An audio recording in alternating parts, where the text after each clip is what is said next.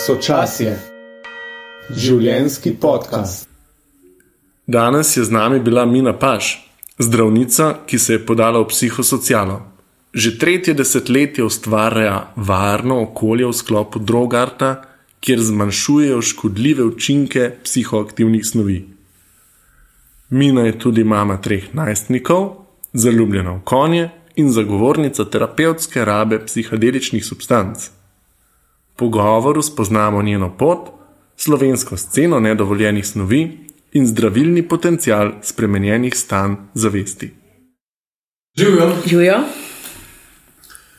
Uh, tako sem se na nek način veselil tega srečanja, ker smo pred časom se videvali, ker smo v istem prostoru, v bistvu nekaj časa delali, Ja. tako pa hkrati sem nekje odzivno spremljal tudi, bom rekel, to, s čimer se ukvarjaš in je tako dragoceno, no, da se tudi živo srečava in da si mogoče vzamemo ta čas skupaj, da se mogoče tudi o tem malo pogovorimo, ker je tako verjetno zdaj dosti aktualno v zadnjem času. Ampak za začetek bi te pa vprašal, tako, če mogoče lahko poveš, kako pa ti vidiš, če pogledaš zdaj nazaj svoje življenje. Kaj so tisti mejniki, ki so bili recimo, pomembni za te, ki so te zaznamovali, da so te mogoče pripeljali na to pot, kjer si zdaj, ki jo zdaj pelješ? Mm, Ja, po mojem jih je kar neki. Um, v bistvu jaz sem že od majčkanga, um, so me nekako doma uh, pripravljali na to, da bom zdravnica. Um, in že odkar, žive, odkar se spomnim sebe, sem, je, bilo, um, je bila mantra pri nas doma, naša minca bo pa zdravnica. In naša minca je bila v šoli precej pridna, in potem je naredila gimnazijo, in sploh od, pač od vem, tretjega leta naprej, sploh nisem si dala neke druge možnosti, kot druge, da bi šla študirati medicino. To je bilo tako čez zelo straightforward pot.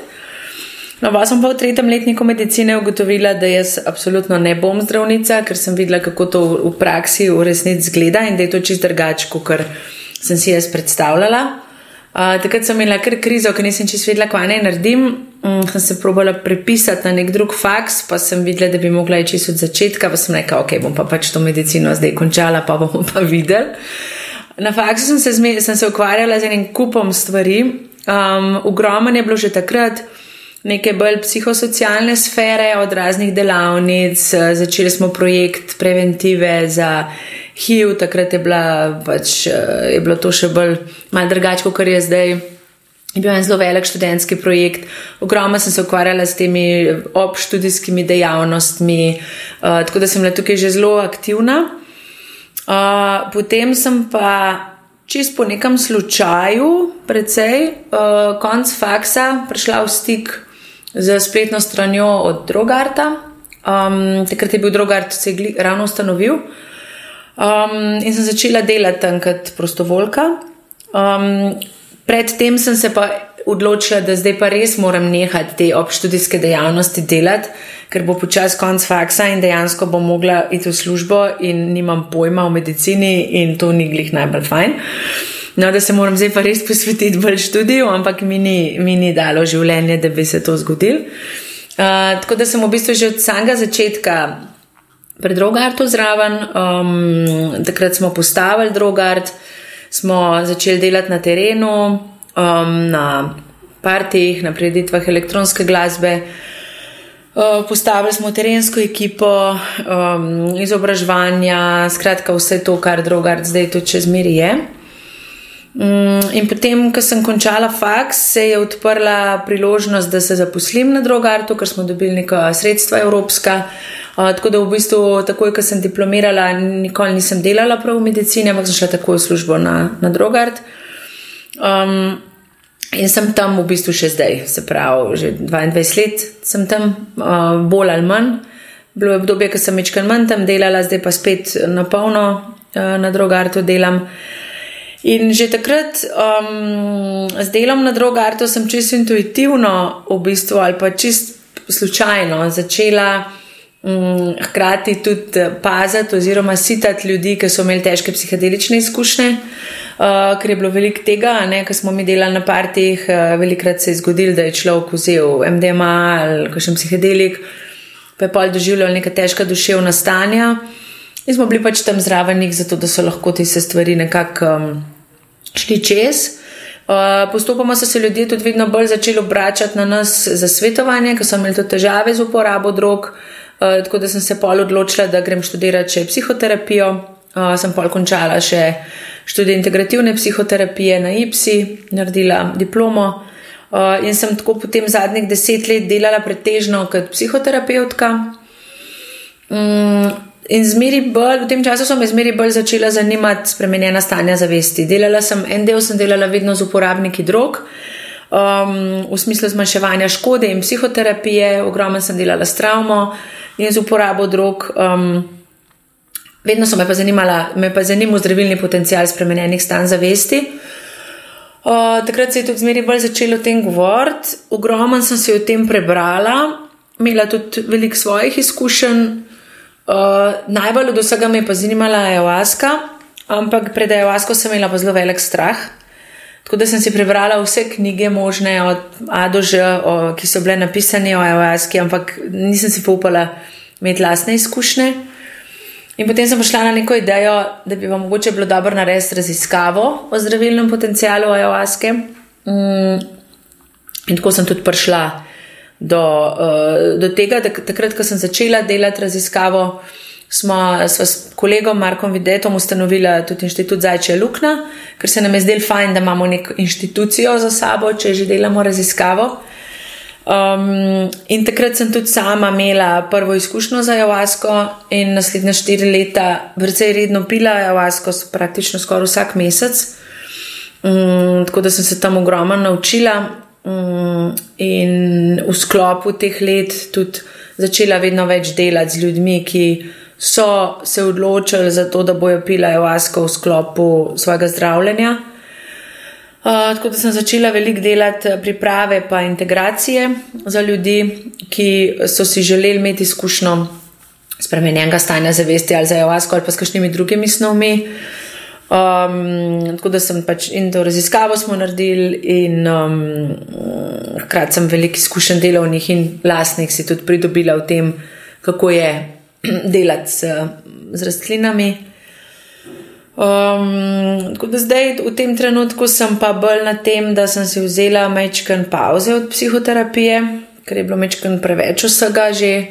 Uh, tako da sem letos v bistvu šla praktično na polno spet delati na drugart nazaj, um, ker se veliko ukvarjam, ker se veliko ukvarjam tudi z mentorstvom za mlade terapeute, tudi, tudi, tudi v Zajče Lukna imamo.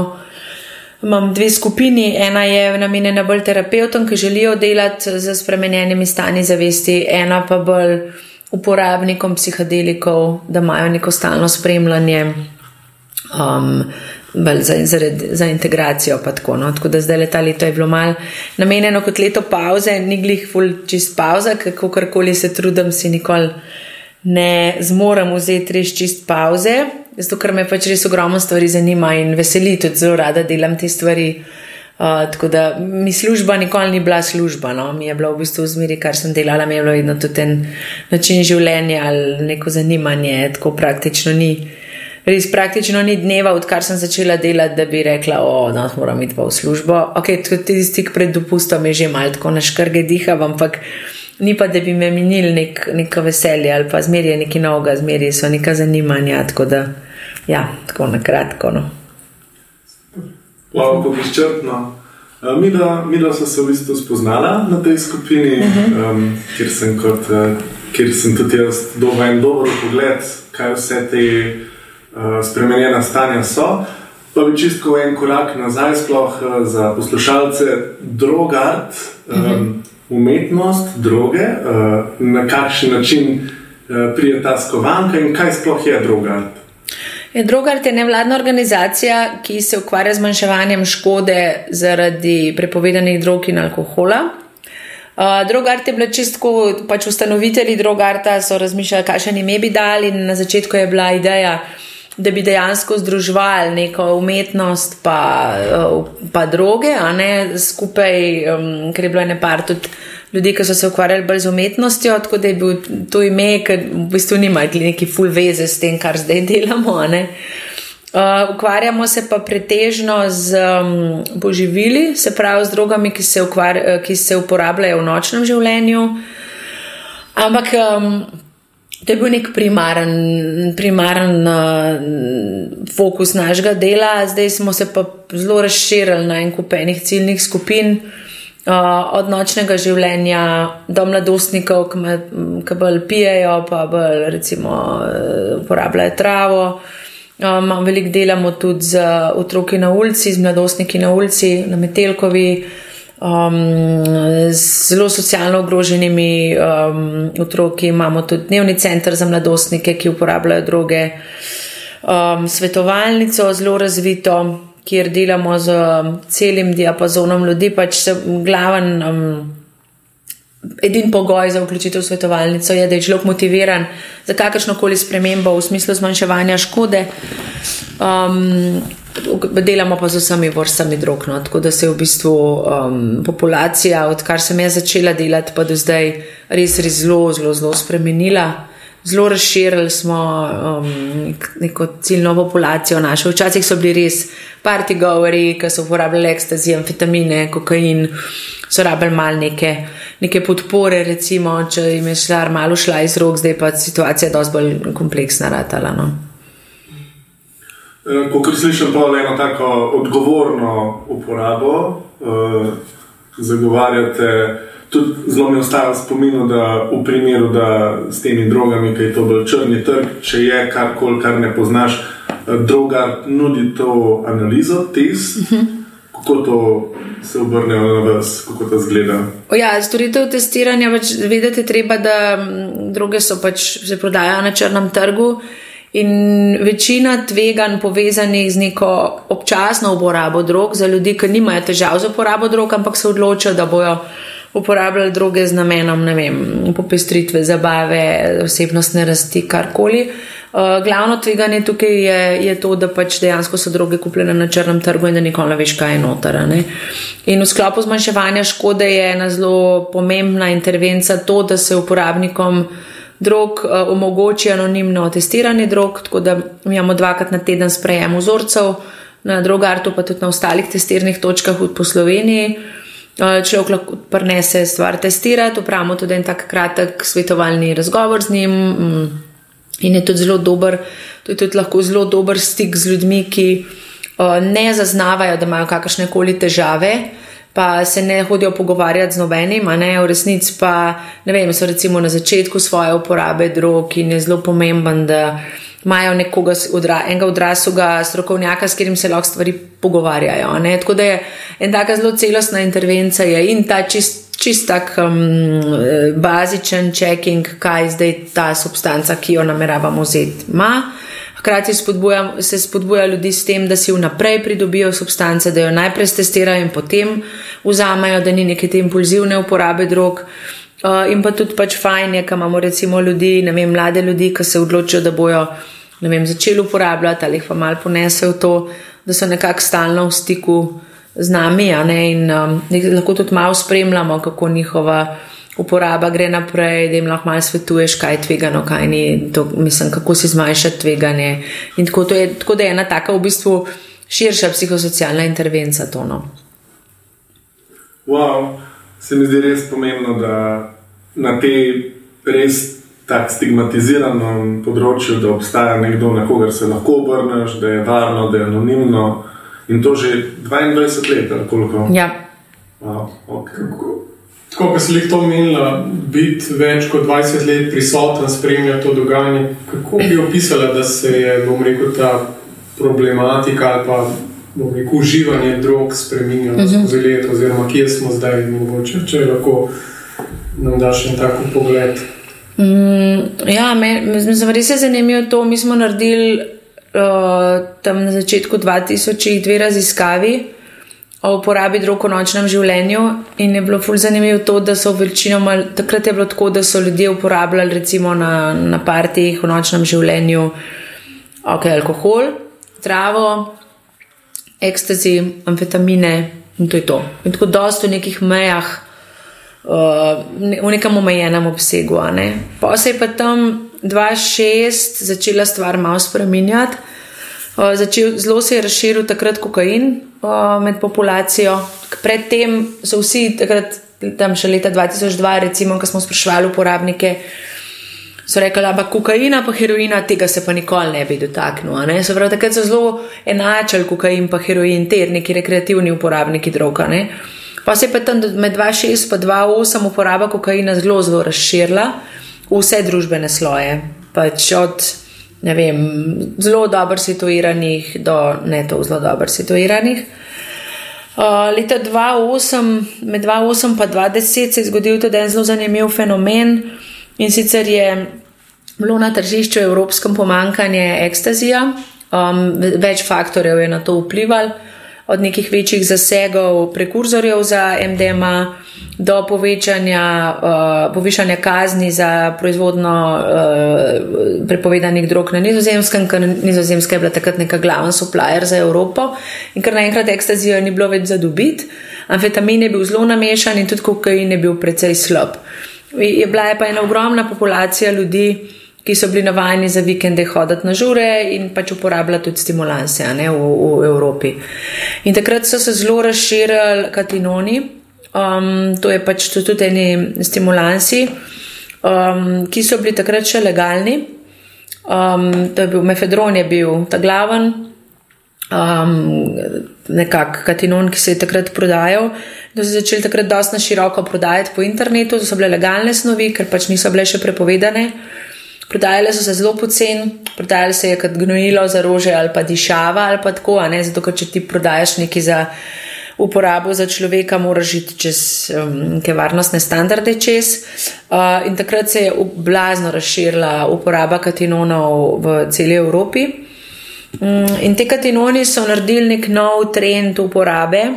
Uh, takrat se, so se začele širiti tudi tako imenovane nove psihoaktivne snovi, kar pomeni, da so recimo proizvajalci um, delali nove molekule, ki še niso bile prepovedane, so pa hkrati imele podoben učinek kot stvari, ki so prepovedane. Mm. Recimo imaš molekule amfetamina, obiseš gore en flor in dobiš štiri fluoroamfetamin, ki deluje podobno kot amfetamin, ni pa prepovedana, ne? zato ker je pač druga struktura.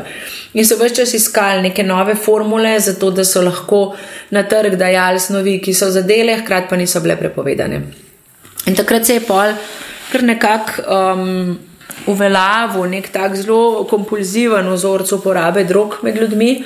Veliko ljudi je takrat začelo tudi uporabljati droge, ki jih prej niso, zato ker so bile legalne in se jim ni zdelo, da bi bilo karkoli nevarno. Ne? Um, tako da pol je bila kar ta poplava katinonov in ostalih stimulansov. Um, zdaj pa vidimo, recimo, zadnje dve leti, odkar je, tudi, je bil tudi COVID in pač karantene in vse povezano s tem. Recimo pri nas na drugartu, kar je zdaj drugače, to, da vidimo dosta več socialnih stisk in psihosocialnih stisk med mladimi. Mladi imajo ful duševnih težav in seveda um, uporabljajo tudi psihoaktivne snovi za to, da si blažijo te duševne težave. Um, veliko mladih, um, ve, ve, da, imamo veliko več stik z veliko več mladimi kot prej, ki so na raznih pomirjevalih, tudi na psihiatričnih na benzodiazepinih, opioidih, uh, ogromno enih socialnih stisk. Um, tako da v bistvu je to zdaj kar um, en tak nov. Eno tako novo področje, s katerim se tudi mi ukvarjamo, ker se prej glih nismo tolk. Ob, ob vsem tem, kar je pač tudi prej. Drugače, v nočnem življenju se pa stvari niso toliko zelo spremenile. No, kar je drugače, zdaj je tudi to, da se je zelo popularizirala uporaba GHB-ja oziroma GBL-ja. To je gamma hidroksibutirat, to je ena snov, ki ima euforičen in tako mal pomirjevalen učink. Je zelo pocen, mal imitira učinke alkohola uh, in ga veliko ljudi uporablja kot nadomestek za alkohol. Je pa substanca, ki je zelo problematična za doziranje zelo hitro pride do predoziranja, ki je lahko tudi smrtno, pa odvisnost povzroča zelo hitro. Tako da imamo tudi to v svetovalnici.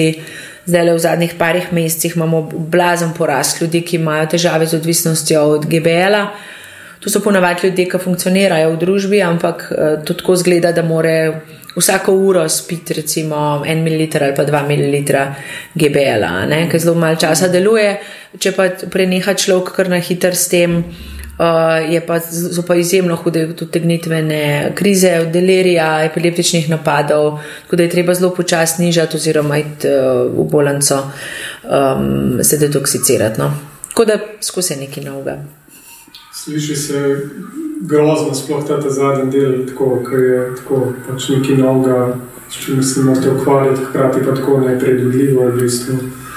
Uh, Če se mogoče povrnemo, ko si tudi sama omenila pri svoji zgodovini, uh, v zadnjih letih se zdi, ne, tako, da so psihotropne snovi res bum, bom rekel, tako v neki splošni, kot tudi v strokovni javnosti, pridobile.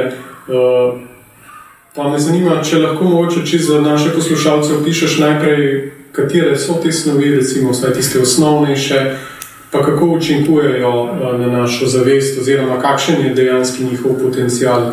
Mogoče lahko tudi eh, razširimo to na eh, recimo, najnovejše raziskave v povezavi z duševnimi boleznimi oziroma motnjami. Ja.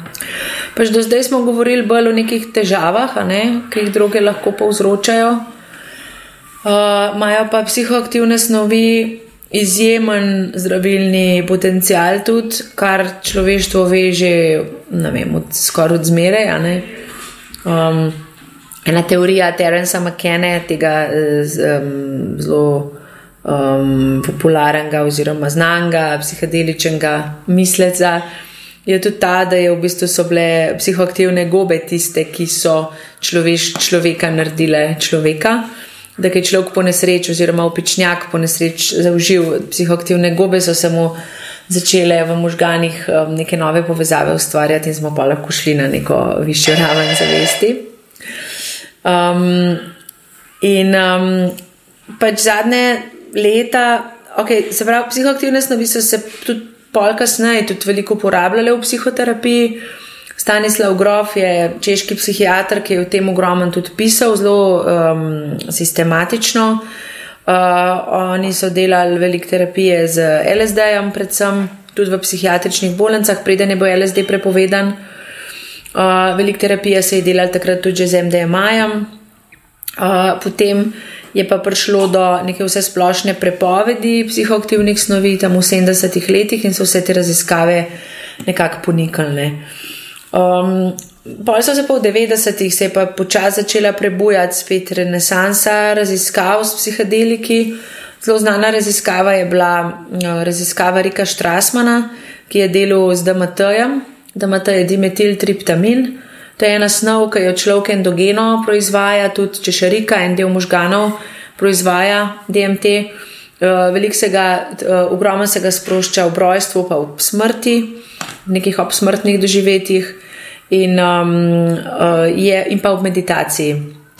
A, tako da DMT je neka taka endogena snov, ki eni avtori tako zelo lepo pišejo, da je tako kar nek portal v druge dimenzije oziroma v spremenjena stanja zavesti.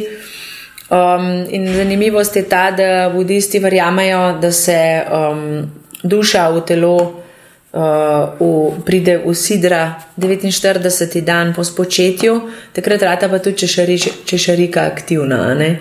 Tako da to je fulj zanimiva uh, sinhroniciteta oziroma podobnost.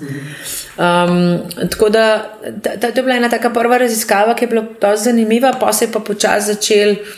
Tega vedno več. Um, zanimiva je tudi ena raziskava, ki se reče Hoaska Project. Oni so pa delali raziskavo na rednih uporabnikih Santo Dajme. Uh, to je Dajme je ayahuasca, je pač drugo ime za ayahuasco, ki se pije v sklopu ene cerkve uh, Santo Dajme oziroma Unidao de Vegetal. Um, in tam so v bistvu raziskovali, kako redno pitje ayahuasce, se pravi, oni pijajo vsake 14 dni ayahuasco v sklopu verskih obredov, kako to vpliva na na to skupnost, na ljudi, in so ugotovili, da ne samo, da nima nobenega negativnega potencijala ali pa za svoj, potencijala za svojljivosti, ampak da celo ima izjemno visok pozitiven, velik pozitivnega potencijala, da praktično ni alkoholizma, ni duševnih bolezni, zelo povezana skupnost in tako naprej. Prehrana, prehransko so ljudje bolj urejeni in tako dalje.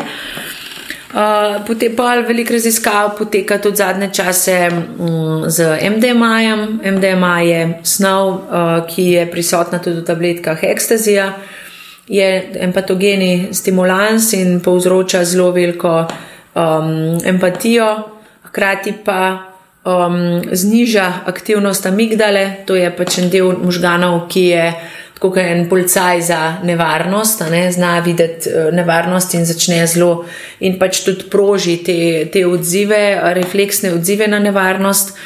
Amigdala je zelo aktivna pri ljudeh, ki imajo posttraumatsko stresno motno, prekomerno aktivna. Um, In so v bistvu skozi stanje ogroženosti. In zato klasične psihoterapije težko um, karkoli naredijo, ker je človekov sistem enostavno tako preveč vzdražen, da, da ne pride, uh, da ne more prijeti v nek varen terapevtski notranji prostor, da bi lahko prišlo do zdravljenja travme.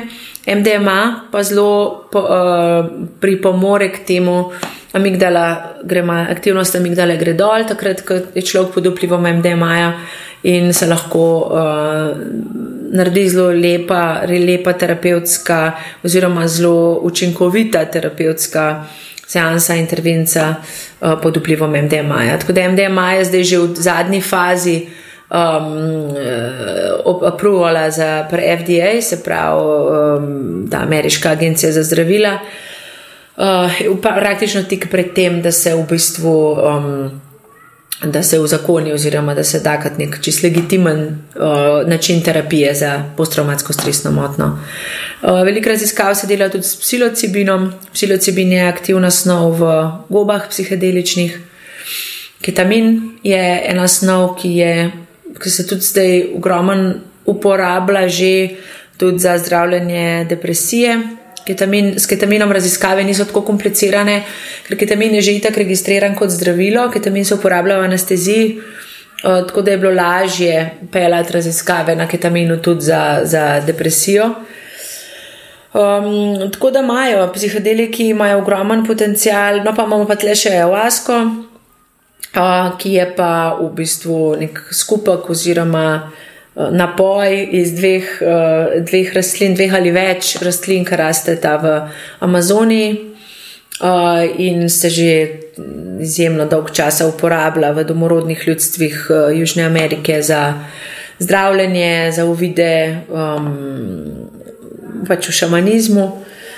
Eh, in za, zadnja leta je Javaska doživela res velik um, preboj, tudi v Evropi se jo veliko uporablja. Ibogain je tudi ena substanca, ki zelo obeta, oziroma to je pa, je pa iz korenine in ga grma iboge, ki raste v, a, a, v Afriki. Ibogain je predvsem zelo, je tudi izjemno močno psihedelično sredstvo. Um, te, te rastline se uporabljajo veliko v inicijacijskih obredih. V, um, domorodnih ljudstvih. Uh, in je Boga je res neka rastlina, ki te nekako povede do vrat smrti in nazaj, se pravi, greš res delač. Uh, je pa zelo koristna tudi pri uh, zdravljenju zasvojenosti, hitro povzroča uh, hit, hitrejšo detoksikacijo. Um, in se vidi tudi v videu vse, kar um, te je privedlo privedl do, do zasvojenosti. Se, to se zdaj zelo, zelo razvija. LSD no, je tudi substanca, ki se ogromno uporablja tudi v psihodelični psihoterapiji. Zelo se razvija, to zelo popularizira, ampak ima pa tudi en kupenih pasti v bistvu. No. Tako da treba vedeti, da te snovi niso zdravila. Veliko ljudi si pol misli, ok, bom vzel MDMA, pa bom pol kar ok. Um, pač te snovi so izjemno močne, um, lahko imajo izjemno močen zdravilni potencial, ampak nikoli ne naredijo na mestu tebe vsega, ne? zmeri moraš sam narediti še stvari in neke spremembe, pokažejo ti pot, uh, prehoditi jo moš pa pol v končni fazi tudi sami in tudi olajšajo ti, veliko ti sicer spucajo. In tle, tle je zelo pomemben malo obrniti to našo zahodnjaško miselnost, ki smo navajeni, da kadar je kaj narobe, gremo v zdravniku, pa dobimo tablete, pa pol smo zdravi. Ne? Nekaj nas boli, gremo tja, dobimo zdravila in nas neha boleti, nam neha biti neprijetno. Um, te um, psihedelične snovi in rastline pa ponavadi delujejo malo drugače, da delujejo tako, da najprej poglobijo proces. Uh, in potem, um, se pravi, pot ven je pot skozi, ni, ni anestezija. Jaz velikrat rečem, da Nekako um, delo za javasko je tako, kot da bi te operirali pri živem telesu. V bistvu vse čutiš, na čem ti dela javaska in velikrat je stvar zelo neprijetna, zelo težke izkušnje so velikrat in nikakor ni zaiti v to kratko mal, da bomo mal proba, da vidimo, kako bo. In to ta um, psihodeliki se mi zdi, da je poznan ta izraz bad trip, um, kot da lahko pa nekdo vzame to in ne vem, zblazni, kako bi rekel temu, hkrati pač vsem je to ta konotacija droga, LSD, te magične gobe, nore gobe, um, vključujejo neko, um, nek strah, neko, kar slišimo, v bistvu čist na mestu. Um, in po drugi strani pa ta zdravilen potencial. Um, in mogoče tudi tako podelim, da sem tudi jaz imel te izkušnje, psihedelične, in sem pristopil z eno tako, z eno veliko previdnostjo, uh, z enim strahom, hkrati pa z eno radovednostjo. Um, se pa zelo najdem v tem noter, uh, da, da greš čez operacijo ob živem telesu, tako mi je ta uh, živa prispodoba. Pa bi mogoče tako zelo konkretno vprašal, uh, kljub vsemu se te droge uporabljajo tudi rekreativno. Uh -huh. Kaj pa je ta razlika med tem zdravilnim potencialom in kdaj te droge niso tako uh -huh. zdravilne, oziroma so lahko tudi same ne nezdravilne? Ja. Ja, pač le, načeloma je tako, da greš ti Namen, tukaj ena stvar, ki je tukaj pomembna, je namen. Se pravi, tvoja namera, zakaj boš neko substanco vzel. Zdaj, če je tvoja namera za zdravljenje, je to čist, greš čez drugim, z drugim uh, fokusom noter, kot če greš noter za žura. Ne? Pri psihadelikih je tako, da je set pa setting, tako imenovan, sta zelo pomembna. Se pravi, tvoje notranje stanje, pa okolje, v katerem substanco vzameš. In ko se vzame neka snov v terapevtskem okolju, to pomeni, da je z namenom zdravljenja, z namenom soočanja z nekimi mogoče težkimi stvarmi, ki jih drugače ne moreš predelati. Terapevtski kontekst uporabe uh, mora biti narejen tudi tako, da ima človek zraven siterja.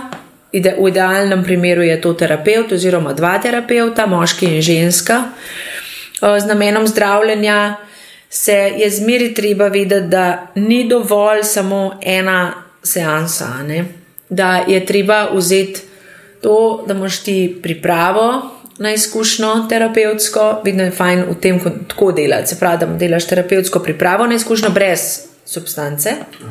Potem, ko vzameš substanco, sta zraven dva terapeuta v idealnem scenariju, in potem imaš še prostor oziroma čas za integracijska srečanja, ne? terapevtska srečanja, kjer se pogovoriš o tem, kaj se je dogajalo med samo izkušnjo, mogoče še kaj terapevtsko predelaš z raznimi temi čist klasičnimi terapevtskimi tehnikami. Sveda to je ta terapevtski kontekst. Um, in zmeri, kadar vzamemo psihoaktivne snovi, pač psihedeliki, že samo ime psihedeliki je sestavljen iz dveh um, besed iz grščine, psihe pa delos. Se pravi, da psihedeliki naredijo psihovidno in psihedeliki naredijo to membrano med nezavednim in zavednim zelo porozno. Se pravi, vsebine iz nezavednega pridejo v našo zavest in to je lahko vse sorte, odvisen, kjer predalček odpreš. Lahko je to zelo prijetno, lahko je pa izjemno težko. In na to je treba biti pač pripravljen, zato ker nikoli ne veš, kam te bo proces pelal. Ne glede na to, ali si na žuru ali si pa v varnem terapevtskem okolju. Ampak, če si na žuru, pa ne veš, da se kaj tasga lahko zgodi, pa nimaš človeka, ki bi te lahko tam pazil ali um, ti pomagal iti čez to, je lahko ta izkušnja izredno traumatska izkušnja.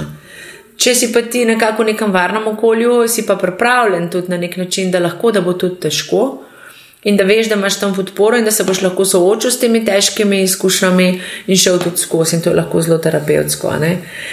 Tako da vedno, kadar delamo z ljudmi, um, ki so imeli težke psihedelične izkušnje, um, je vedno treba se tega lotevati na način um, psihoterapije travme, ker to je traumatska izkušnja za človeka. In ponovadi se v med težko psihedelično izkušnjo odpre neka stara travmatska izkušnja, ki je že tako težko.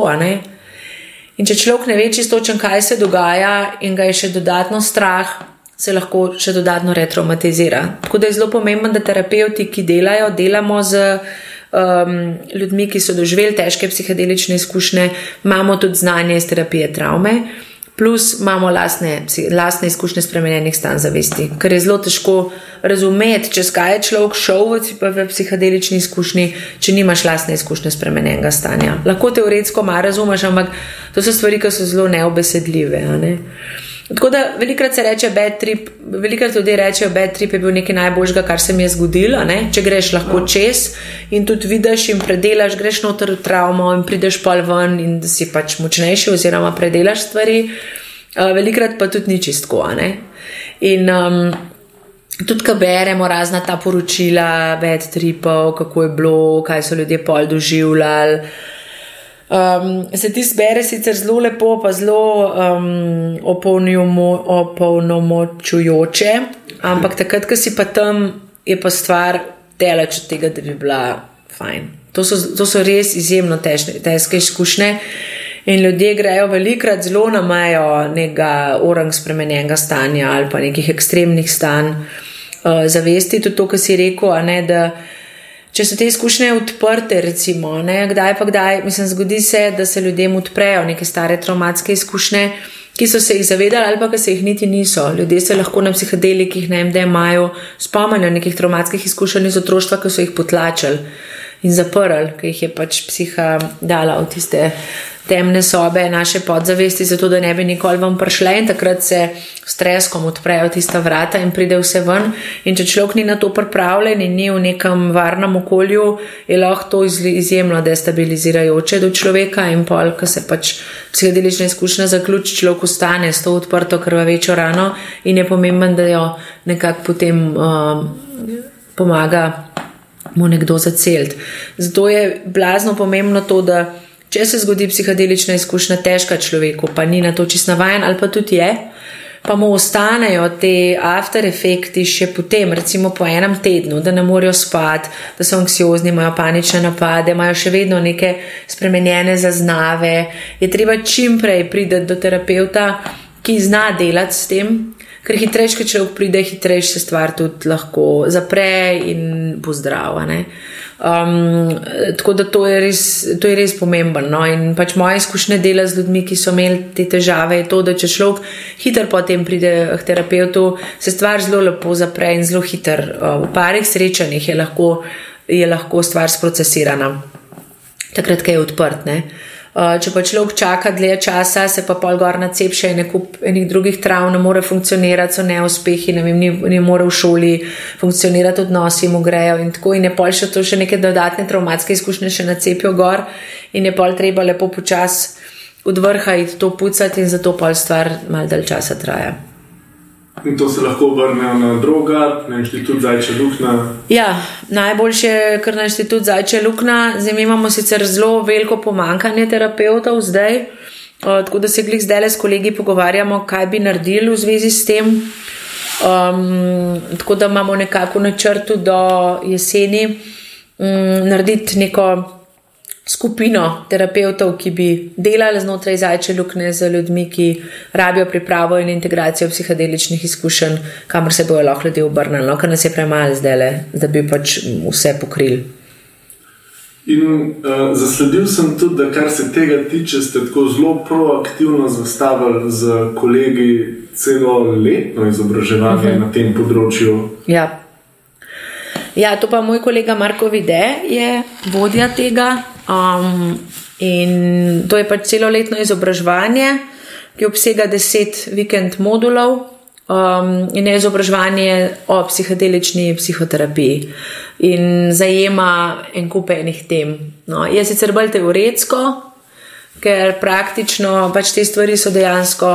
Še zmeraj ilegalne, tako da psihedelične terapije se ne, ne da izvajati za res, ker ni legalna. V nekih državah so stvari legalne, recimo Nizozemska ima legalizirano uporabo traflov, to so te sveže psihoaktivne gobe, v Južni Ameriki je legalizirana uporaba ayahuaske, drugač pa se da delati psihedelične terapije samo v sklopu raziskav, ne pa prav tako, da bi človek res lahko delal, ampak jaz mislim, da gre res stvar zelo v to smer, da se bo to počasi začel um, uveljavljati kot neka ustrezna, pa čist taka modaliteta terapevtska, ki je v boku vsem ostalim, kar jaz mislim, da je zelo smiselno in ni pa tako lahko to zastaviti, ker so tukaj določene specifike terapevtske tudi. Na kakšen način se to uporablja, kdo bi lahko to delal, um, v kakšnih kontekstih se lahko to dela. Tako da ni, ni stvar tako zelo enostavna. Um, Malo je nevarna tudi ta um, težnja po um, medicalizaciji psihoaktivnih snovi, um, ker je problematično, da bi te stvari lahko delali, recimo, sam, ne vem, psihiatri ali pa da bi se lahko delali v bolnicah, ker psihedelična terapija je zelo pomemben to, da je narejena v nekem takem varnem, domačem prostoru. Um, je, je res bolj stvar psihoterapije in mogoče nekega šamanizma, tudi kot pa medicine. Hkrati je pa treba tudi klasificirati, substance so tukaj, treba je nekako standardizirati stvari. Tako da se bi velik debat poteka v zvezi s tem, na kakšen način bi lahko nekako um, pelali psihedelično terapijo, da bi bila nekako nadzorovana uh, obenem pa ne preveč zaprta ne, v neke medicinske scene. Sploh je pa to problem pri rastlinah, ker recimo ayahuasca ti ne moreš standardizirati ne, in je tudi point v tem, da je pač vsak. Vsaka ayahuasca je malo drugačna, je tudi odvisen, kdo jo naredi, kako jo naredi, kdo bo podeljeval licence za delo z ayahuasco. Pač to, to je znanje, ki gre iz roda v rod. V, družinah šamanov, kdo bo zdravniška zbornica rekla, ti lahko delaš zdaj vas, kot ti pa ne, pač najbrž ne bo. Tako da tle en kup enih novih področji se odpira, ki so zelo. Uh, Ki jih je zelo pomembno nasloviti, in zato se po mojem to tudi tako vleče, no? ta legalizacija psihedelikov, hkrati pa tukaj tudi stigma, ne? še zmeri um, druge so druge. Ne? In recimo zanimivo je to, da LSD se je najprej začel uporabljati za zdravljenje alkoholizma. Se pravi, imaš tukaj nek paradoks, da z eno psihoaktivno snovjo zdraviš odvisnost od druge psihoaktivne snovi. Ne? In dejansko ljudje, meni se tudi tako zdi, da ljudje, ki uporabljajo psihoaktivne snovi, škodljivo. Ne? To si tudi prej vprašal, kakšna je razlika. Recimo, po mojih izkušnjah dela z ljudmi, ki imajo težave z uporabo psihoaktivnih snovi, vsi, praktično vsi, začnejo uporabljati substance za to, z nekim namenom samozdravljenja, tak, takega in drugačnega. Ne? In zanimivo je, da človek, različni ljudje imajo težave z različnimi snovmi. Za nekoga bo problem drug heroin, za nekoga drugega bo amfetamin. Odvisno od tega, na kakšno uh, jedrno travmo se ti učink te substance um, nekako obesa. Ne? In zato je zmeri treba ljudi, ki imajo težave z uporabo drog, vprašati, kaj ti ta substanca prenese toliko dobrega, oziroma toliko olajšujočega, da kljub temu, da veš, da boš umrl, če boš to še nadaljeval, ne moreš nehati. Ne? Ker ljudje vejo, kje jim stvari škodijo, se nismo blesavi. Ampak enostavno ti se usede na neko to izvorno bolečino ali pa travmo, uh, učink te substance, da ne moreš nehati. Ne? In ljudje velikrat začnejo uporabljati snovi zato, ker jim pomagajo, ali pri zdravljenju anksioz, ali pri anksioznosti, ali pri depresiji, um, pri neki traumatski bolečini, in polih pa stvari zasvojijo in jim začnejo škoditi. In um, recimo opioidi so tako zanimiva. Substanca, ki velikrat jih ljudje, ki imajo za sabo travmo, začnejo uporabljati, ker opijati so zelo dober analgetik, tako za fizično, kot za psihološko bolečino. Eh, hkrati pa dajo nek občutek varnosti, bližine ne? in so lahko nek tak prihodni objekt um, varnosti, ki jih človek, um, ki jo človek ni imel, ne? da se človek prvič v življenju počuti nekako varnega, mirnega, nekaj, kar človeku da stik, ta pravi stik doživijo. Mar se kdo doživi še le pod vplivom opijatov, tako da opijati postanejo njihova neka dobra mama v narekovajih. Uh, ki jih pa potem v sklopu zasvojenosti pele še bolj v izolacijo, še bolj v neko odmik od sveta, od ljudi, od sebe tudi. Tako da tista travma, ki je bila na začetku nekako malo olajšana s to substanco, se s časoma še poglobi. In uh, zanimivo je pa tudi to, da ljudje, ki imajo težave s psihoaktivnimi snovmi, so nekako že po mojem, po intuitivno jih pele v to, da vidijo, da, da v spremenjenem stanju je nek zdravilen potencial. Sam, če uporabljajo te snovi izven konteksta terapevtskega ali pa z namenom um, anestezije, ne, um, uh, nečutenja bolečine, ne z namenom zdravljenja, se zgodi pol problem. Lahko, In če takmu človeku daš alternativo zdravljenja z psihoaktivnimi snovmi, pospremljen s terapijo z, v nekem terapevtskem kontekstu, je lahko to izjemno učinkovito. Uh, mogoče bi se prav navezal na ta strah pred bolečino, ko si ga umela. Uh, pred časom sem poslušal intervju z Michaelom Pellinom, avtorjem znane knjige How to Change Your Mind, kjer je med drugim pač opisal tudi svojo izkušnjo srečanja s, eh, s psihotropnimi snovmi. In prav v tem, koliko je pomembno, da pač je nekdo ob tebi, torej da je to neka terapevtska izkušnja, prav z vidika tega, da ko prideš do te točke, ko bi moral, ne, ali pa ko je potrebno, da začutiš tudi tisto, kar je neprijetno, kar je težko, ne, da v bistvu je najslabše, če odnehaš ali se ustrašiš tega mhm. trenutka, ker si pač sam mogoče ne, ne podprt. No. Uh mhm. -huh in koliko je prav z tega vidika pomembno, da je nekdo ob tebi. Uh -huh. uh, jaz sicer pač ne osebnih izkušenj nimam, ampak tako, če naredim usporednico s, s psihoterapevtskim procesom, se mi zdi, da je podobno tudi, ko pride nekdo, ki je zelo zaprt in tako.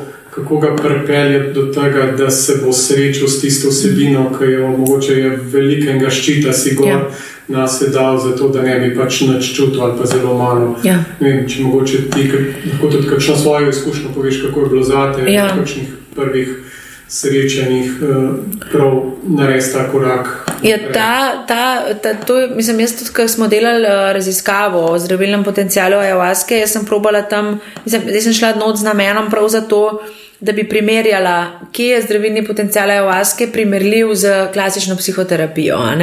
In ljudje so vsi opisovali to, da je bil vključen ta varnost, eh, to, da so se počutili varne, se pravi, nek varen notranji prostor, v katerem ti greš v izkušnjo. In dejansko je tako, vedno, ko se človek sooča s traumatskimi izkušnjami, je zelo težko. In velikrat človek disocira in travma je. Um, Značilnost za travmo je, je disconnection, se pravi, da ni povezave z drugim. Uh, in ravno ta ponovna povezava s človekom, se pravi, to, da ti takrat, ko greš predel v traumatsko izkušnjo, je nekdo ob tebi in ti pomaga držati prostor, zato da ti lahko to predelaš, je ključna pri vsaki terapiji travme. In isto je pri psihedelični terapiji. Sam da si predstavljaš, da na psihedelični terapiji je vse še na tisoč ojačano, recimo, ne? Mm. pa ne moreš, kaj enkrat greš noter, ne moreš reči, ok, zdaj pa jaz ne bi več. Ne? Ko greš v terapevtskem kontekstu predelovati uh, traumatsko izkušnjo, lahko vedno prekineš, ker preveč tudi, tudi skozi gledamo, da je človek neko okno tolerance, da ne disocira, da ne gre preveč ven iz sebe. V, v psihodelični izkušnji te pa, pač substanca tudi vodi in grejo ljudje zelo globoko ponovati. In je še tu bolj pomembno, da je nekdo tam zraven, ki pomaga držati izkušnjo.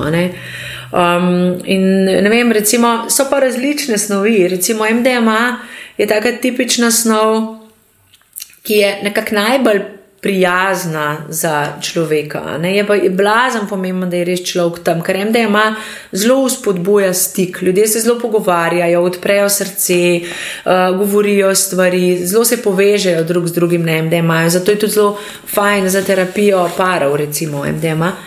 Um, ker dejansko ugledaš človeka brez tih zamer, uh, vsega, kar se na cep gor še v sklopu njega odnosa lahko. Ne?